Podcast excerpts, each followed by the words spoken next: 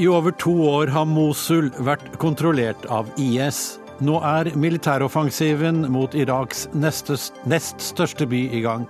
Og disse kampene vil vare i ukevis, og mange sivile vil bli drept, sier forsvarsekspert. Torbjørn Jagland er sjokkert over raske konklusjoner i Johaug-saken. Nå vil han ha debatt om rettssikkerheten til utøverne. Julegudstjenestene har de en plass i skolen. Ja, mener biskop. Hun advarer mot å stryke Fader vår og salmesang i møte med det flerreligiøse Norge.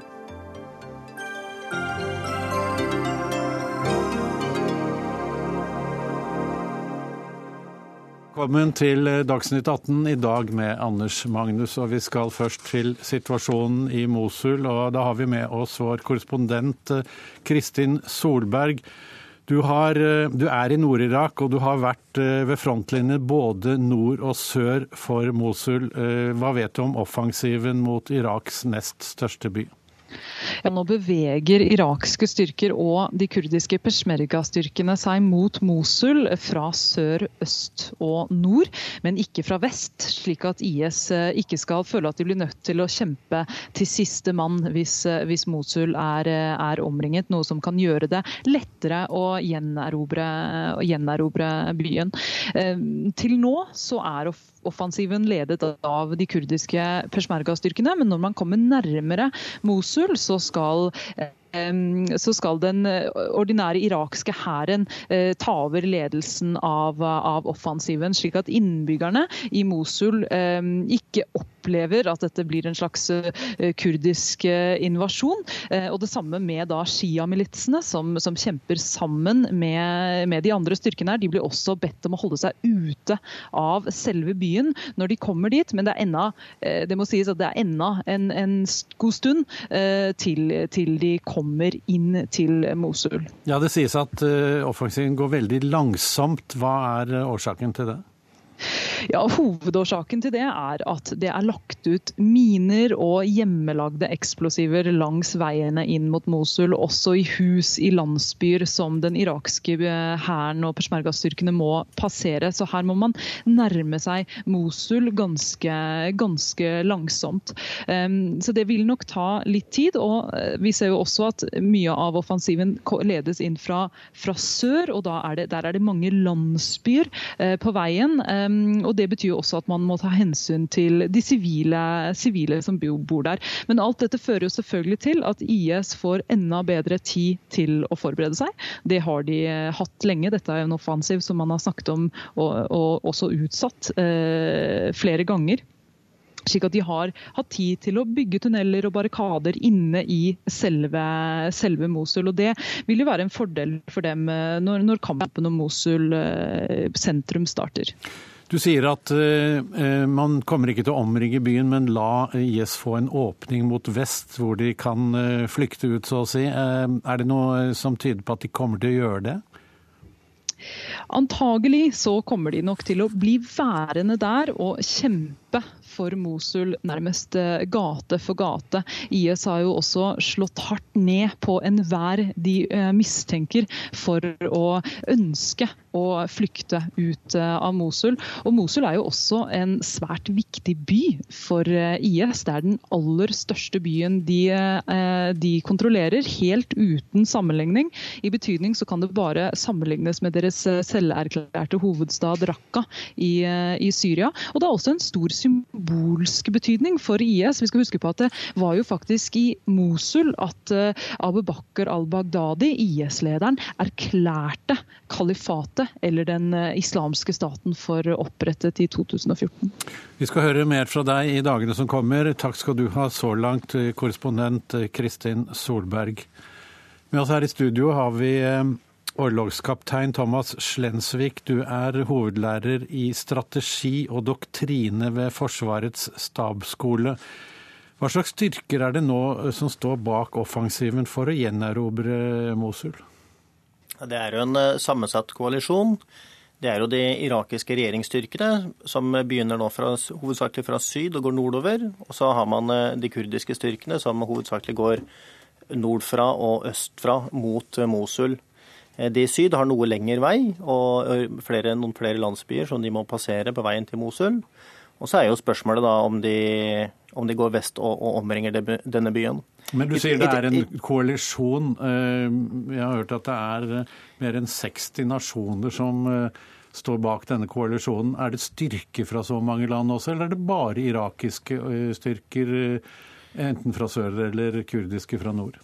Ja, hoveddelen av styrkene her det er irakiske bakkestyrker, og så er det kurdiske styrker, og så er det sjiamilitser som er hoveddelen. Og så er det støttet av vestlige spesialstyrker i hovedtrekk. Og så er det også flystyrker som er inne her og, og støtter fra luftsiden. Ja, Så de, eh, de, fleste utlendinger de støtter med fly? Støtter med fly, og så er det enkelte spesialstyrker, noen rådgivere, og så er det mange som sitter i stab og så lignende, som har en mer bakre rolle. Og da, eh, når det gjelder opplæring og støtte, så kommer Norge også som en del av den offensiven? Norske ja, det, styrker? Ja, det er, det er korrekt. Hmm. Tror du norske styrker kan bli innblandet i selve, selve denne offensiven? Ja, det, det, har jeg, det, har jeg, ingen informasjon om, så det, jeg kjenner ikke til eh, de norske styrkene sin rolle oppi det her. Hvordan, eh, Hva slags eh, taktikk, strategi og taktikk vil disse to hovedstyrkene benytte i angrepet mot Mosul? Det de gjør nå, er jo at de nærmer seg gradvis bykjernen, altså bygrensen. Eh, og så er det først da fra øst og nord, som, eh, som kurderne har kontroll på. De vil nok gå fram til eh, bygrensen og så stoppe der inntil videre. Og så kommer da hovedstyrken fra den irakiske hæren fra syd og går nordover. Og så er det spørsmålet om man da omringer det totalt, som jeg tror man vil gjøre før, før eller siden. Du tror ikke de vil la det være en åpning mot vest? Nå, nå er det en naturlig åpning der. Hvis de hadde ønsket å trekke seg ut, så har de hatt muligheten til det. Denne er en offensiv som har vært planlagt nå i flere måneder. Eh, Utfordringa for eh, ISIS er jo at hvis de trekker seg ut her, så er det et åpent ørketlandskap. Det det er noen fjellområder og så lignende, men dette er et område som man har god kontroll på fra luften. og vil være, De vil bli meget utsatt dersom de prøver en større uttrekning. Det å trekke seg ut, eh, f.eks. hvis de mingler seg med sivilbefolkningen eller i mindre grupper, det er mulig. Og i den grad de nå har ønsket å trekke seg ut, så tror jeg de allerede har gjort det, de som ikke ønsker å være der. De som er igjen nå, vil nok eh, kjempe der til eh, byen faller. Mm. Cecilie Hellestveit, eh, du er seniorrådgiver ved ILPI. Hvor viktig er Mosul for IS? Altså, Mosul er viktig for IS delvis fordi det var der Bagdadi proklamerte kalifatet. Og det som er viktig for bevegelsen IS, det er å fortsatt kunne hevde å være en slags statslignende eh, enhet. I det øyeblikket de mister Mosul, vil det bli mye lettere å argumentere med at IS nå er i ferd med å bli en alminnelig terrororganisasjon. Men Mosul er ikke bare viktig for IS. Mosul er viktig også for Bagdad, men Mosul er også viktig for kurderne. Mosul er viktig for Tyrkia, og Mosul er viktig for sunnimuslimske arabere. Og for Iran også, kanskje? Ja, Iran er jo også til stede her, særlig gjennom disse sjiamuslimske militsene som Iran til dels betaler lønningene til, og til dels også har trent.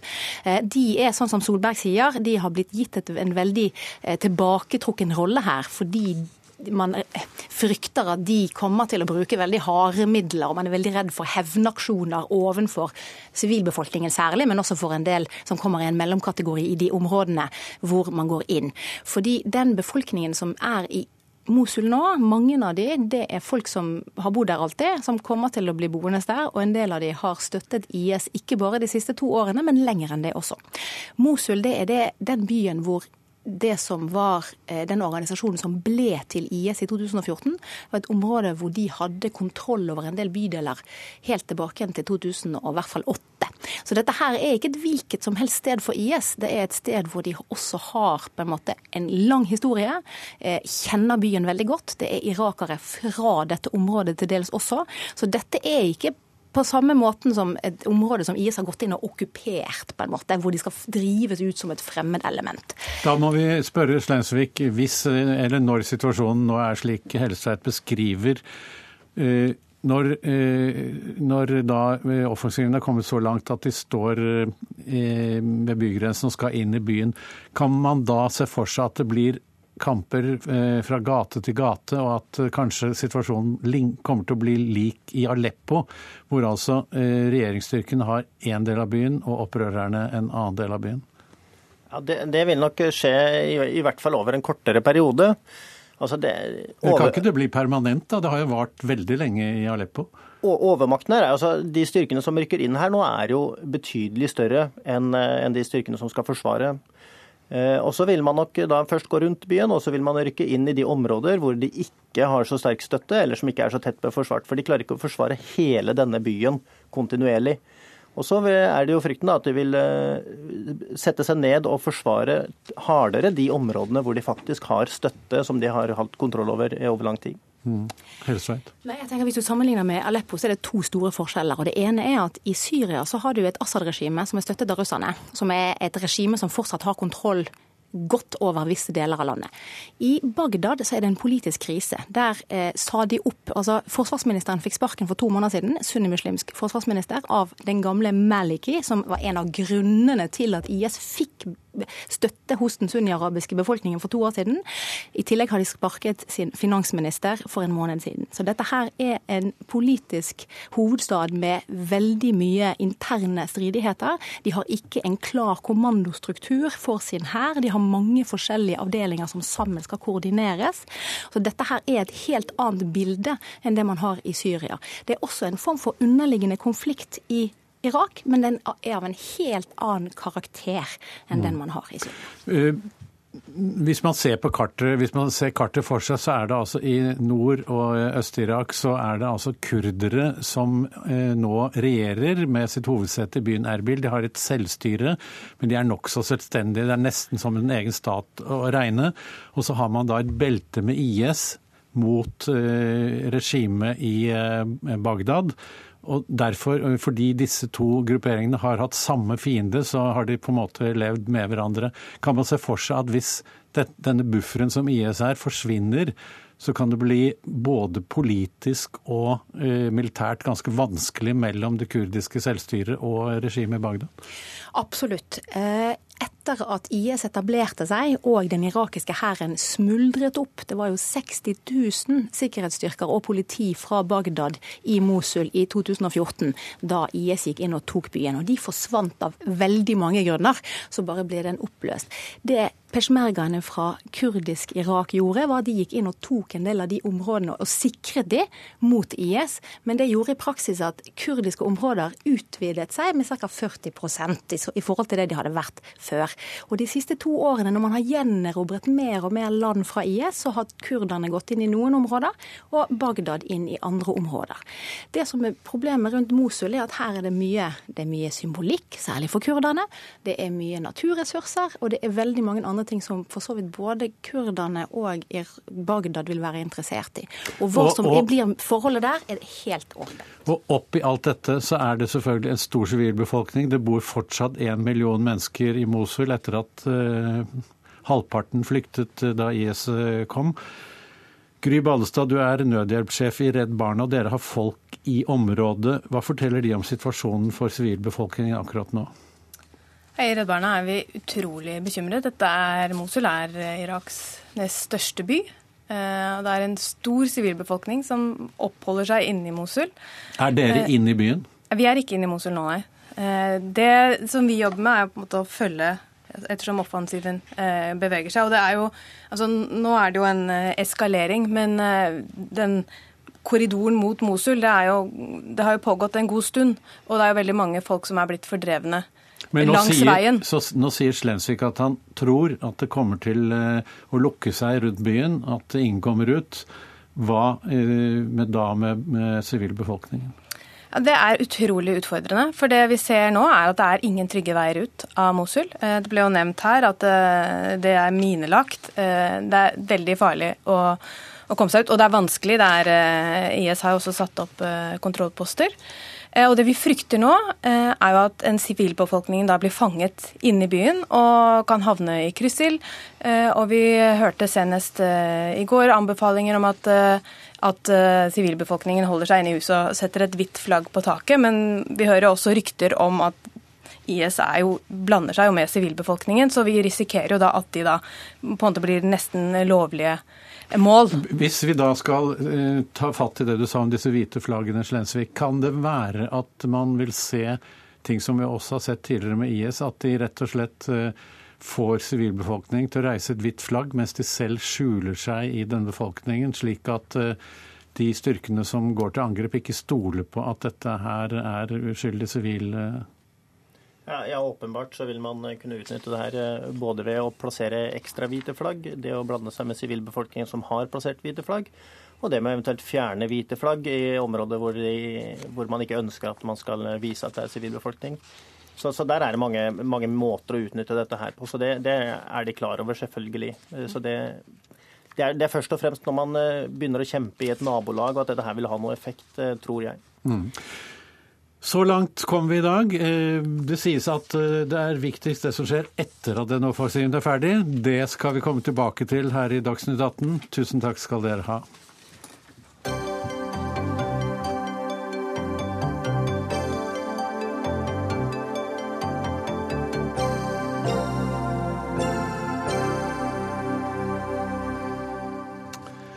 Er rettssikkerheten god nok rundt idrettsutøverne? Det spør Torbjørn Jagland om i en kronikk i Aftenposten i dag.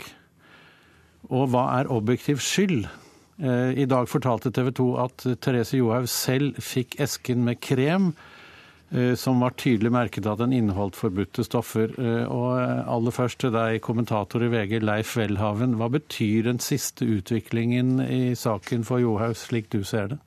Det er vel grunn til å tro at uh, dette kan spille inn i det som etter all sannsynlighet blir en aktsomhetsvurdering når en eventuell uh, straff skal utmåles. Hvor det altså skal tas stilling til hva hun burde ha kunnet forstå. Og da er det vel grunn til å tro at det er en forskjell på å bli forelagt en pakke med en tydelig dopingadvarsel versus en tube, altså hvor det da ikke var en tilsvarende merking. Det vil fortsatt være si, mulig fra norsk side å anføre som et formildende argument at hun har altså rådført seg med den profesjonelle parten som en landslagslege er. Men hvis det står doping på pakken, kan det være noe formildende omstendighet da? Altså det, Sammenholdt med at eh, det hadde vært en eh, tube hvor det ikke sto doping, så er det grunn til å tro at dette vil virke i hennes disfavør i en eh, aktsomhetsvurdering. For nå er det jo det er slik at man skal altså fastsette om hun har handlet med forsett, grovt uaktsomt eller uaktsomt. og Forutsatt at at man da havner innenfor altså uaktsomhetskategorien, så er det altså et spenn fra ingenting og opp mot uh, to år. og innenfor dette Innenfor dette skal altså foretas en konkret aktsomhetsvurdering av hva det burde vært grunn til å forvente at en skiløper som Therese Johaug da hadde kunnet satt seg inn i. Vi skal tilbake til deg senere, men eh, først Torbjørn Jagland. Du er generalsekretær i Europarådet, og du skriver i Aftenposten i dag at du er sjokkert over de raske konklusjonene i denne saken. Hva mener du med det? Nei, Jeg reagerer jo på den voldsomme forhåndsstemmingen som kom eh, et kvarters tid etter at Therese Johaug hadde vært på, på, skjermen. Det er jo én ting, men det andre er jo Det er klart at når man har så strenge regler som man har, og som man nødvendigvis må ha, og pålegger utøverne så stort ansvar som de er pålagt, så må man jo ha ordentlige prosesser, og man må, må jo også ha rettssikkerhetsgarantier, som enhver annen borger har i andre saker. Og, eh, har man ikke det i dag? Altså Det er jo et punkt her som jeg tror man må se på, som eh, vi fra Europarådets side har varslet overfor eh, den olympiske komité og hele WADA-systemet. og det er at, eh, at man, eh, man, må jo ha muligheter også som idrettsutøver å eh, kjøre en sak på at man ikke er skyldig. Eh, det er jo et normalt for ethvert annet menneske at man har det Man har ikke krav på å bli erklært eh, uskyldig, men man har krav på å eh, kunne fremføre det. Og i, sånn som jeg forstår regelverket, så er situasjonen den at hvis man har fått et stoff som er ulovlig inn i kroppen, så er man per definisjon skyldig. Det eneste spørsmålet er hvilken straff du får. Man kan få straffefrihet, man kan få straffereduksjon, men, kan, men man kan ikke bli erklært um, uskyldig i en sånn sammenheng. Og Det er jo noe som uh, berører den rettssikkerhet som disse utøverne da har, og som jeg uh, syns man må se på. Ja, Så du mener at man må ha et regelverk som også inneholder en definisjon av uh, å kunne være uskyldig? Ja, så det er jo en helt normal rettighet i et rettssamfunn at man, uh, at man må kunne påstå at man er uskyldig, og at uh, det er bevisene og omstendigheter rundt sakene som avgjør om man er skyldig eller ikke skyldig. Så dette er jo et veldig stort spørsmål som jeg er helt overbevist om nå vil, vil komme opp i forbindelse med mange andre ting som har med hele WADA-systemet å gjøre. Og det er jo varslet nå en stor reform ja, du, du, eh, Dere i Europarådet har jo også en stemme inn i WADA, så du kan vel ta det opp direkte der, da? Ja, vi har ikke bare én stemme. Vi eh, har jo nå påtatt oss å koordinere alle de europeiske regjeringers holdning til de store reformene som Den internasjonale olympiske komité har satt fram. Og vi vil jo ut, prøve å utarbeide vår egen visjon for hva slags system vi må ha innunder WADA. Men det som jeg tror alle er enige om, er at det må skje en betydelig reform av eh, WADA, for det har ikke fungert slik som det skal nå. Og I den forbindelse så vil vi også bringe inn, og som jeg føler er verdsatt av de fleste partnere, bringe inn rettssikkerhetsgarantiene for utøverne og de alminnelige menneskerettigheter som må være til stede i disse sammenhengene. Europarådet er jo på mange måter en juridisk organisasjon. Syns du det vil være riktig at eh, Europarådet blir et slags overordnet organ for eh, idrettens eh, dopingorganisasjoner? Nei, vi vil ikke være noe overordnet organ. Men de store internasjonale idrettsorganisasjonene ønsker nå et mye tettere samarbeid med regjeringssiden. Eh, og de ønsker selvfølgelig å trekke på de juridiske eh, forpliktelsene og de juridiske garantiene som er eh, lagt inn i Den europeiske menneskerettighetskonvensjonen. Det skulle jo bare mangle. Og der representerer jo vi da disse verdiene og de standardene som er nedlagt i den konvensjonen. Så det er jo ikke så rart at de ønsker nå å ha et tett samarbeid med oss, ikke bare på dette området, men på andre områder som har med idrettens integritet eh, og, eh, og hva skal jeg si, også selvfølgelig uavhengighet å gjøre, men fremst integritet og troverdighet. Ja, Du skriver jo eh, at du ble sjokkert eh, da du leste om Johaug på toget. Eh, ville du blitt like sjokkert om du hadde lest om en f.eks. finsk utøver som du ikke kjente noe til i det hele tatt? Dette er jo tross alt ditt hjemland. Ja, altså, Jeg tok jo opp dette med eh, presidenten i internasjonale komité, Thomas Bach. Han var på mitt kontor faktisk en god del dager før dette hendte. Så jeg tok opp dette uavhengig av hva som har skjedd med Johaug. For vi har jo sett at det er et stort problem at man har så strenge regler og pålegger utøverne et så stort ansvar uten at man har de nødvendige rettssikkerhetsgarantiene som ethvert annet menneske har i en annen sammenheng. Du, man, skal, eh, ja. man, man, skal jo huske på her at man har et system som på en måte fungerer som en stat. Mm. Eh, ved at den har dømmende myndighet innenfor dette systemet, men som ikke er knyttet opp til det ordinære rettssystemet i et land. Og da må jo dette systemet ha noenlunde de samme eh, standarder som det man har innenfor en statsordning. I den artikkelen så starter Jagland med å angripe eh, deg, Leif Elhaven i VG, for at du sa at det ikke finnes noen unnskyldning for at eh, Johaug har fått i seg slikt stoff. Finnes det virkelig ingen som helst uten, unnskyldning, Leif Elhagen?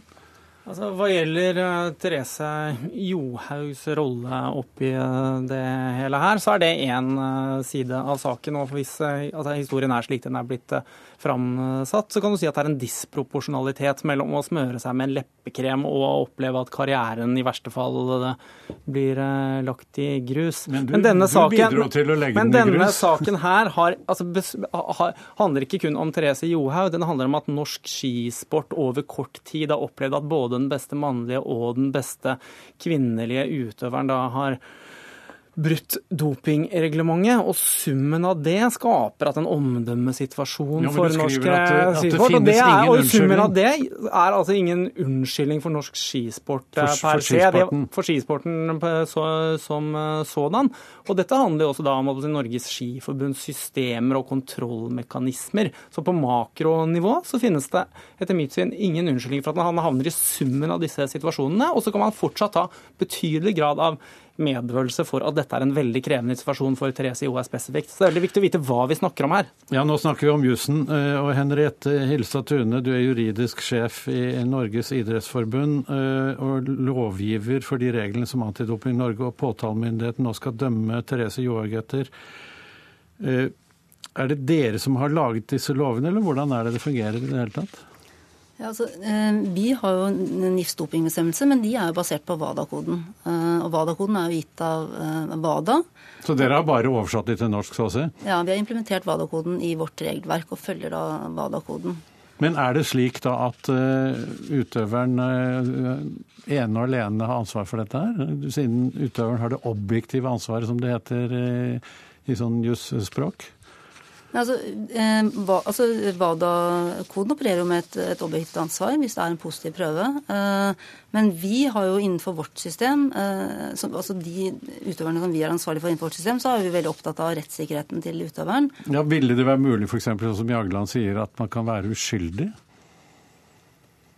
Er det en mulighet? Altså, det vil jo være en vanlig prosess. Altså, den prosessen som vi har innenfor vårt system, som vi er ansvarlig for, så vil jo være at man har et uavhengig domsutvalg med en toinstansbehandling, hvor man da får presentert eh, bevisene i saken og kan forsvare seg. Og vi betaler bl.a. advokatutgiftene til utøveren i dopingsaker. Eh, så vi har jo hatt et fokus på rettssikkerheten innenfor det systemet som vi er ansvarlig for. Men det er klart at regelverket er jo gitt av WADA.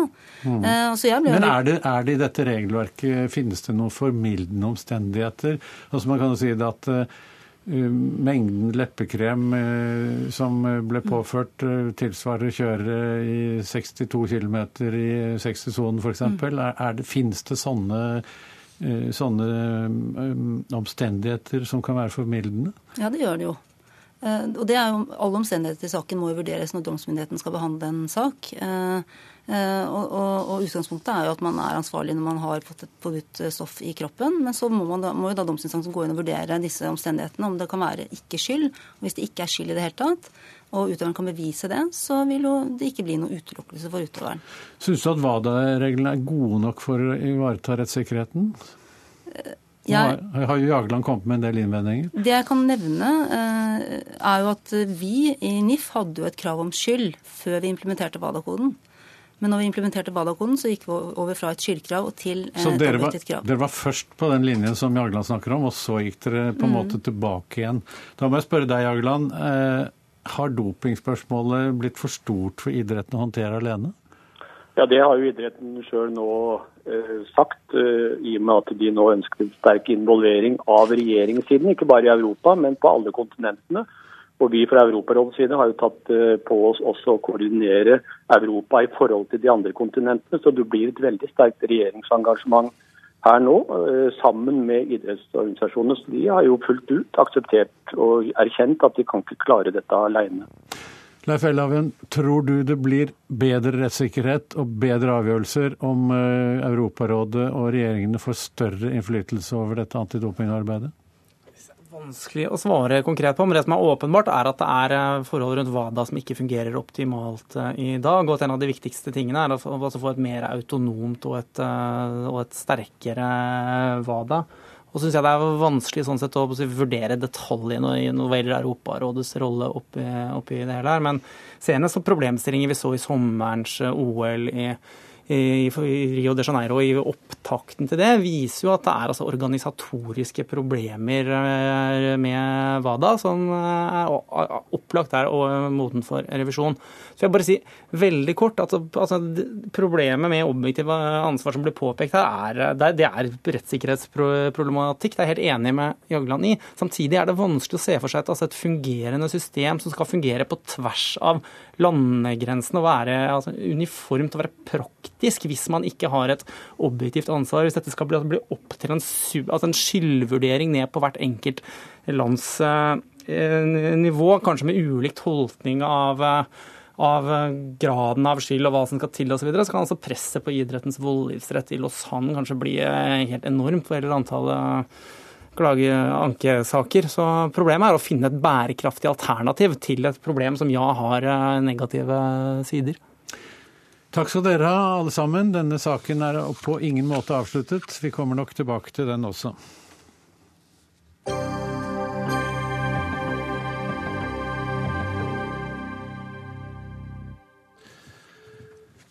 Da skal vi til en helt annen sak. Etter at flere nordiske kvinner har tatt kontakt, har Helse- og omsorgsdepartementet avklart at også utlendinger skal få utført såkalt fosterreduksjon i Norge. Eh, og eh, da må vi kanskje først spørre hva er denne fosterreduksjonen? Eh, da, unnskyld, da spør jeg deg, Kirsten Jørgensen. Du er politisk leder i Jordmorforeningen.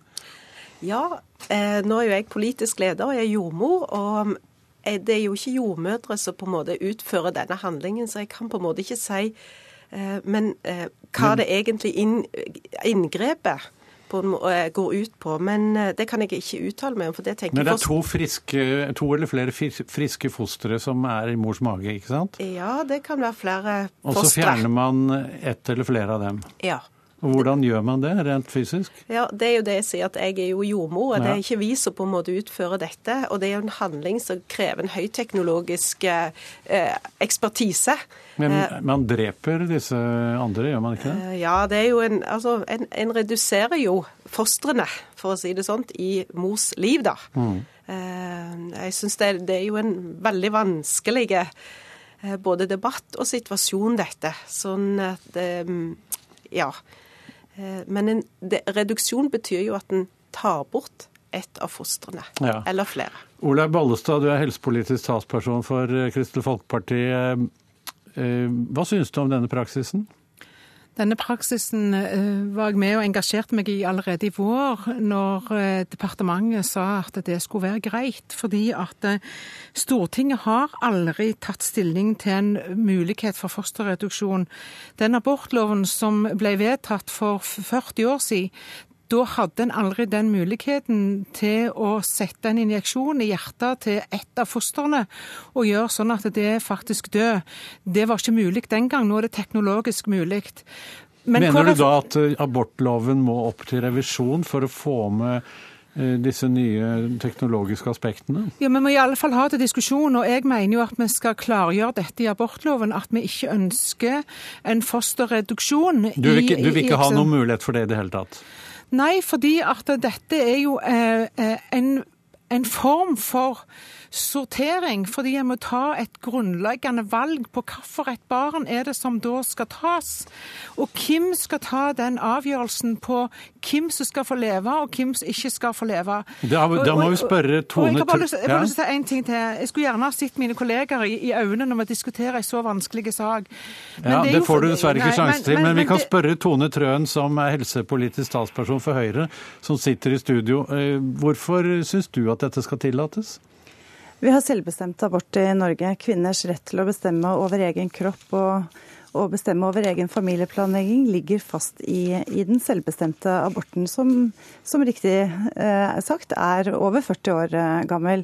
Men så har jeg lyst til å si at Men dette er jo helt nye teknologiske aspekter eh, som eh, på en måte ikke fantes da loven ble laget? Ja, det er helt riktig. Fordi den medisinske teknologien og utviklingen går videre. Men det er ikke nye spørsmål som har dukket opp nå. Og det er ikke sånn at eh, Helsedepartementet har åpnet opp for noe nå. Dette er en praksis som har eksistert i svært mange år. Men, men det rettferdiggjør jo ikke praksisen, Tone. fordi at når vi har fått visst om den, så har det blitt en reaksjon på det. Og Sverige og Danmark har samme lovgivning som oss, men de åpner ikke opp for dette. Da er, det, da er, det, jo et tolkningsspørsmål her som vi må ta inn over oss som politikere. Nå er det slik at i, i Danmark så er ikke dette tillatt. I noen deler av Sverige er det tillatt, andre mm. deler ikke. Men burde dette vært gjenstand for en politisk diskusjon, tror jeg? Ja, først har jeg lyst til å si at Det som har vært viktig for fagmiljøene, det er jo de som har bedt om en lov, lovtolkning av dette. Og det ba de faktisk om så langt tilbake som i 2010, så det er veldig trist at det har tatt så lang tid. Og jeg er glad for at det nå er gjort en slik lovtolkning i Justisdepartementet. Det sikrer lik praksis i Norge. Eh, man sier også at det skal foregå ved ett sykehus i Norge. Det sikrer at de kvinnene som skal gjennom dette, får lik informasjon. Eh, og så er det som du sier, at i, i Sverige så ser det ut til at dette ikke er regulert på samme måte. Eh, men eh, vi diskuterer jo nå hva vi skal gjøre i Norge. Men, og, og, jeg tror altså Olaug Bollestad og jeg har veldig mange debatter på disse vanskelige temaene. Jeg er veldig glad for at vi i Norge har veldig åpen, veldig tydelig debatt om så vanskelig krevende dilemmaer som dette er. Ja, men, hvis, da, da men denne jeg... saken får vi jo ikke debattere fordi han blir bestemt i et departement og et direktorat. Nei, men det er jo ikke riktig. Det men det er ikke riktig, for Olaug Bollestad har fremmet et forslag for Stortinget sammen med ja, Kjersti Toppe og Senterpartiet. Fordi, det var nettopp fordi at statsråden ikke ville ha debatten i Stortinget, og statsråden ville ikke ta imot alle de tusen, mange tusen underskriftene som var kommet fra engasjerte folk ute. Da måtte vi sjøl løfte dette inn i Stortinget, for det var ingen andre som gjorde det. Men vent litt, Bollestad, for nå vil jeg spørre Kirsten Jørgensen. Altså Dere som er jordmødre. Eh, dere sier at dere stiller et stort etisk spørsmål, men er litt usikre på hva dere skal mene. Men de, dere er jo eh, de som skal assistere ved en eventuell slik eh, abortløsning? Mm, mm. Det er klart at eh, Våre jordmødre som jobber med ultralyd, er de som kanskje kan komme De òg møter gjerne kvinnene først, og kan komme til å assistere i forhold til, til denne type eh, fosterreduksjon. Men jeg vil si det at eh, dette er en kjempevanskelig debatt. Men hvor, hvorfor syns du dette er vanskeligere enn vanlig abortdebatt? Ja, og det er det jeg har prøvd å tenke litt over. òg. hvorfor er dette så mye vanskeligere? For det, det, det gir egentlig denne debatten en ny dimensjon til loven om selvbestemt abort. For jeg tenker at kvinner har jo per i dag, og det har vi jo kjempet for, rett til å bestemme over eget liv og reproduksjon. Sånn at egentlig, hva er forskjellen med denne, nye, denne praksisen. Ja, vi har fått en medisinsk-teknologisk utvikling som stiller en del spørsmål til oss. Og de, det tenker jeg er ganske viktig å, å ta opp. Men loven om selvbestemt abort det er egentlig to sider av samme sak i dette. Vi skal, vi skal ta opp uh, de, noen av de vanskelige nye sidene her. fordi uh, nå er det altså åpnet for at uh, hvem som helst av kvinner som bærer et foster eller to, skal kunne få eh, denne samme rettigheten i Norge. Kan ikke det åpne for en slags form for abortturisme fra andre land hvor dette er forbudt, til Norge, tror jeg? Dette er jo, veldig, dette er jo uh, få inngrep som foretas i året. Veldig, veldig få inngrep. Ja, men Hvis dette blir kjent, kanskje det kommer flere? Ja, jeg jeg tror ikke det, men, eh, men, vi kommer jo til å følge dette nøye eh, hvis det skulle være sånn. Eh, grunnen til at denne saken dukket opp, var jo at det var en svensk kvinne så vidt jeg vet, som hadde søkt om dette i Norge, og så ble ikke det aktuelt for henne likevel.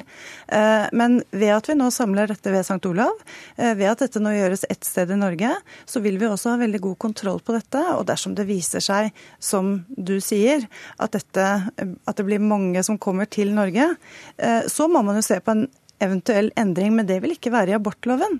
Det vil være i den, den, forskriften som gir rett til helse- og omsorgstjenester når du oppholder deg i landet. Og abort er en av de um, tilstandene som gjør at du har rett på helsehjelp selv om du ikke bor i Norge.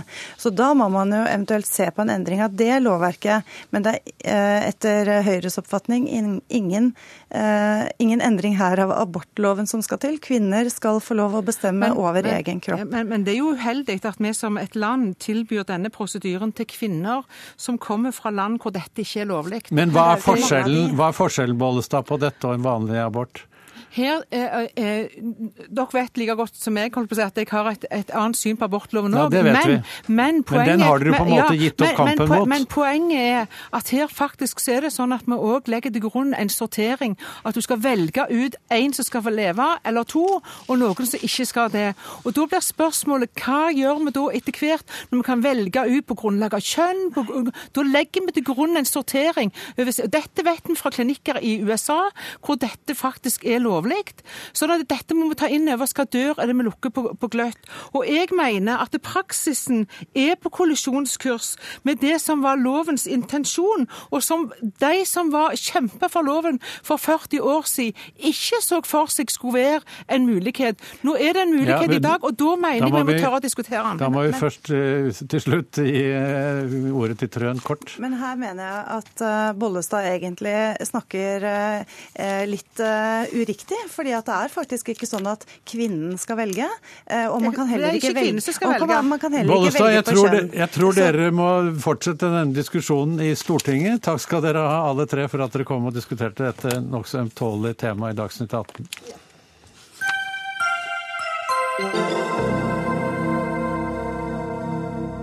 Vi har bare åtte år til eh, alle nye biler i dette landet skal være lav- eller nullutslippskjøretøy. Men hva gjør regjeringen? De setter opp årsavgiften på elbiler og setter ned årsavgiften på biler som går på fossilt eh, drivstoff.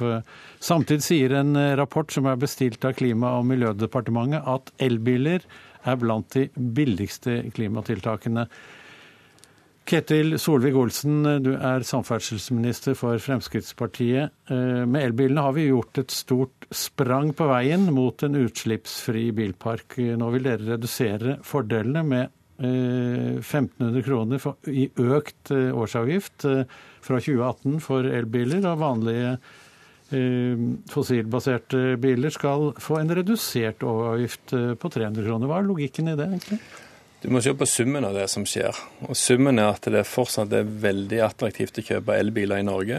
Det å kjøpe biler med lave utslipp, og hvis du kjøper bensin- eller dieselbiler, er mer attraktivt enn å kjøpe biler med høye utslipp. Men nå ser vi jo at utviklingen går litt i mm, en annen retning akkurat nå. Nei, altså Summen av, av virkemidlene er fortsatt at miljø... Jeg tenker på salget av bilene. Ja. Nei, summen, Salget av elbiler i september var jo rekordhøyt. Så er det sånn at hver måned du ikke slår fjorårets rekord, så er det plutselig en krise. Er, jeg syns de er veldig ømfintlige, noen av elbilentusiastene. Og jeg er selv veldig glad i elbil. Min, bil, min neste bil kommer til å være en elbil, det er jeg bombesikker på.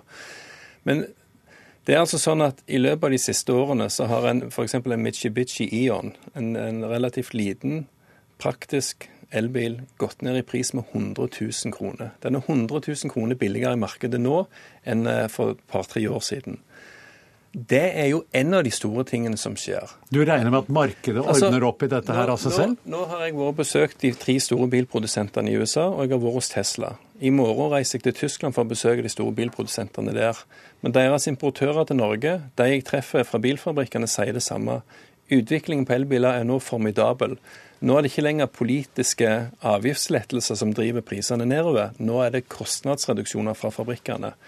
Og Det må vi jo ta hensyn til. Det er jo totaliteten i økonomien til den som kjøper en elbil som betyr noe. Og den som ser seg da blind på at en elbil i framtida skal betale den samme årsavgifta som en motorsykkel. Det er det vi snakker om. Men kan, kan, det, at det plutselig gjør at en elbil ikke blir attraktiv. Kan vi konkludere ditt syn med eh, på den måten og si at eh, den teknologiske og markedsmessige utviklingen vil føre til at vi når dette utslippsmålet uten at vi behøver å gjøre noe som helst annet politisk? Nei, jeg tror vi må fortsatt gjøre mye ting politisk. I den forstand at det forliket som vi nå diskuterer, der alle har hengt seg opp i hva som skjer på årsavgiften. Men vi skal huske at forrige regjering vedtok at det skulle være avgiftsfritak på elbiler til det var solgt 50 000 eller fram til 2017. Nå har vi nettopp blitt enige med Venstre og KrF at vi skal videreføre fritak for engangsavgift. En skal videreføre fordelene på moms. Den ene lille tingen som skjer, er årsavgiften. Vi, og, og, den bilen du får for 200 000-300 000 kroner i dag, elbilen du får for den prisen, er langt bedre enn den elbilen du fikk i 2012 eller i 2015.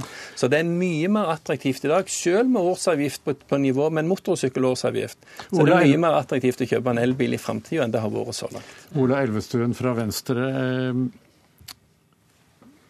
har dere noen grunn til å klage? Det høres jo ut som alt er i orden. fra eh, samferdselsministerens side? Det er det som er med den norske elbilsuksessen. For det er jo, vi har jo salgstall i Norge som ingen andre land er i nærheten av, med nærmere 20% nå i eh, september. Eh, men den er jo drevet eh, framover av politisk vilje.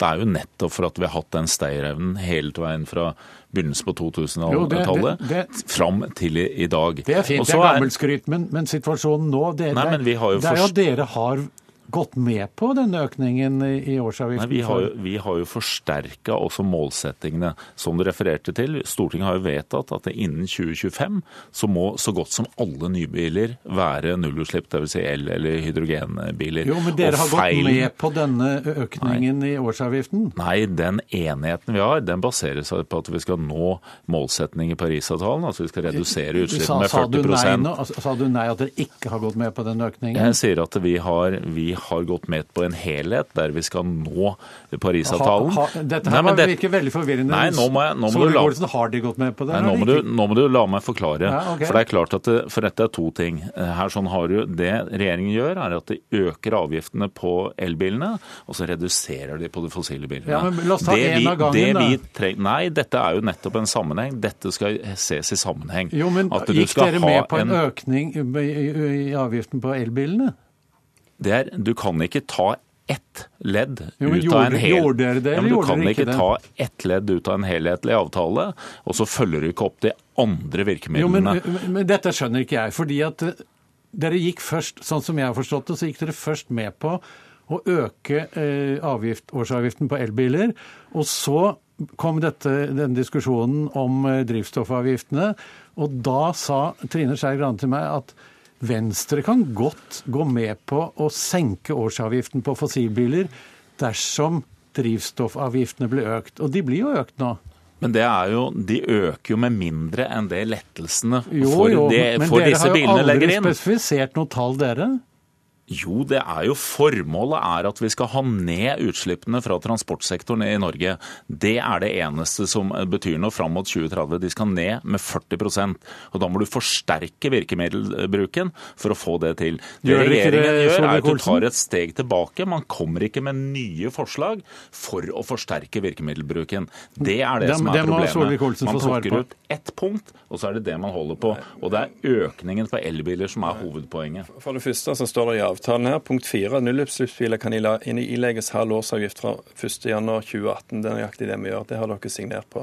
Men istedenfor at vi diskuterer ett og ett punkt, så må vi diskutere helheten. Og min påstand er at når du ser på hva koster en elbil i dag, hva får du på rekkevidde Grunnen til at mange satte seg ned og venta litt på å kjøpe elbil, var jo fordi at den generasjonen som nå kommer, har plutselig dobbelt så lang rekkevidde som den du fikk kjøpt i fjor. Og Det betyr jo at for den samme prisen så får du nå mye mer bil. Det betyr jo at det er enda mer attraktivt denne høsten enn i fjor høst å kjøpe en elbil.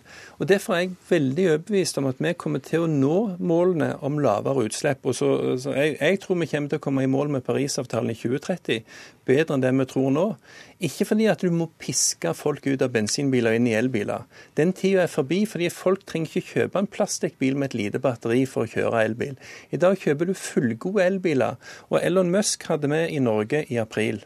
Fordi vi er utrolig opptatt av en praktisk tilnærming til et grønt skifte, ikke en avgiftsmessig greie med straffe folk. Men, men, Men men resonnementet mitt der var at Elon Musk sier jo at hans mål er at i løpet av fire til fem år så skal han lage biler som ut av fabrikk konkurrerer ut bensin- og dieselbiler på pris. Selvfølgelig. Ja, er, du ikke enig i dette her? Jo? Selvfølgelig er det målsetting, Men men, det vi har problemet gjort, ødelegger er ikke for det. Ja, men Problemet er at du har jo alltid ment det, at vi ikke skal gjennomføre spesielle tiltak. Nei, det har jeg ja, men det er, jo- ikke. ja, men det er det nettopp, det. det vi som har drevet det fram. Vi har jo Det drevet fram politisk Det var den første som kjempa for bomfritak for elbiler i Oslo. Tidligere byråd Petter N. Myhre, Frp. Altså, ikke kom her og lat som at Frp ikke har brydd seg. Det er- Ingen har kjempa mer for lave bilavgifter enn Frp. nå Nå må, du gi, nå må du gi deg. Det har jo vært en kamp. Det var en kamp for å fortsette de, de fritakene som vi nå beholder ut denne stortingsperioden. Er det, var, ja, det var en kamp, og det var initiativet som kom fra vår side. Og det var vi som fikk en kamp for at vi skal sette målsetningen i 2025, men du må jo da ha virkemiddelbruken som gjør at det får ned utslippene. Og mener- reger- nei, reger- nei, hør, regjeringen sier i sitt statsbudsjett, så påpeker man gang på gang at du må bruke avgiftssystemet for å få til Jo, den nødvendige endringen. Og da kan du ikke bare si at den eneste endringen som dere faktisk er for, det er økningen på elbiler, er samtidig som du gjør lettelser på de fossile. Du må gjøre begge deler. Kort Du til slutt, Solvik-Olsen, og så må vi avslutte denne debatten. her gir du inntrykk av at det kun er ett argument. Poenget er at det er enda mer attraktivt nå å kjøpe en elbil enn det var tidligere. Fordi at det prisen, har- prisen har gått kraftig. Jo, men det må jo Venstre ta inn over seg. Når, når media, kan- du- media rapporterte i fjor at en elbil har blitt 100 000 kan, kroner eh, billigere. De slutter ikke å kjøpe en elbil fordi om det blir 1000 kroner i årsavgift. Takk skal dere ha for den debatten. Dere kan gå ut og overbevise hverandre utenfor studio. Vi må videre til neste tema.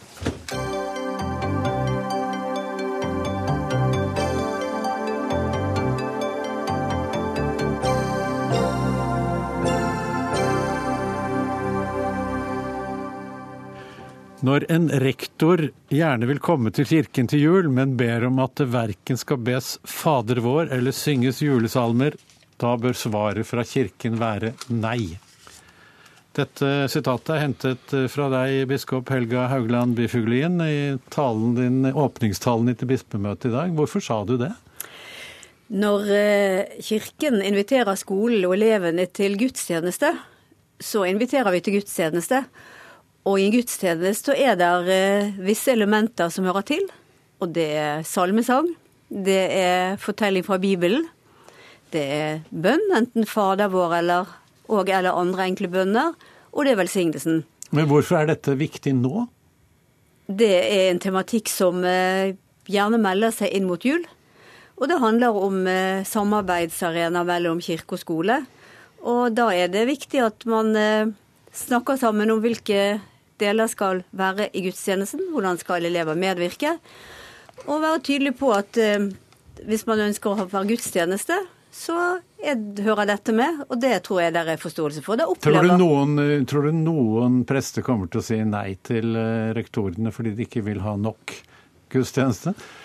Jeg kjenner til at dette har vært aktualisert, ja. Mm. Og da kan det bli en fin eh, avslutning før jul. Men det er ikke gudstjeneste. Men uten og... Eh, gudstjeneste? Mm.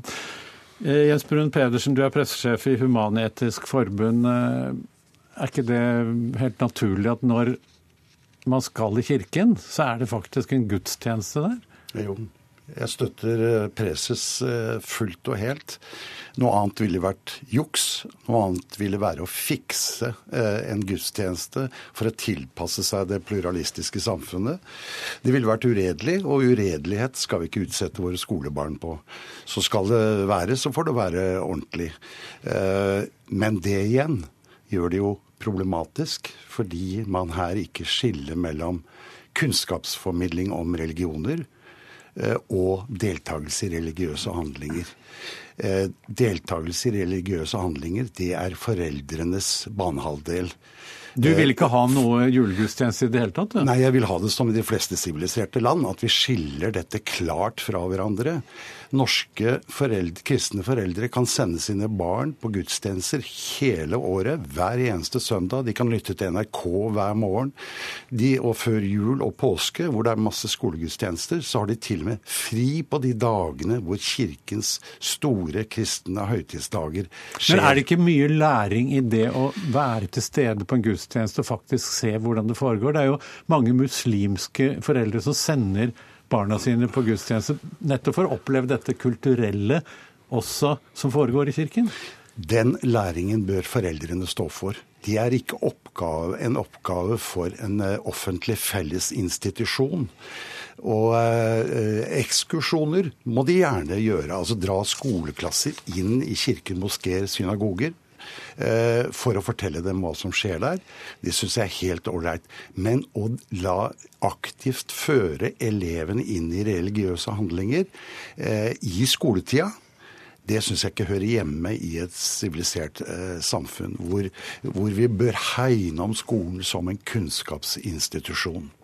Bufuglin, er det ikke greit det han sier da? Altså, Kirken skal få holde på med det den eh, vil, eh, og ha så mange julegudstjenester den bare vil, men da, de skal være ordentlige.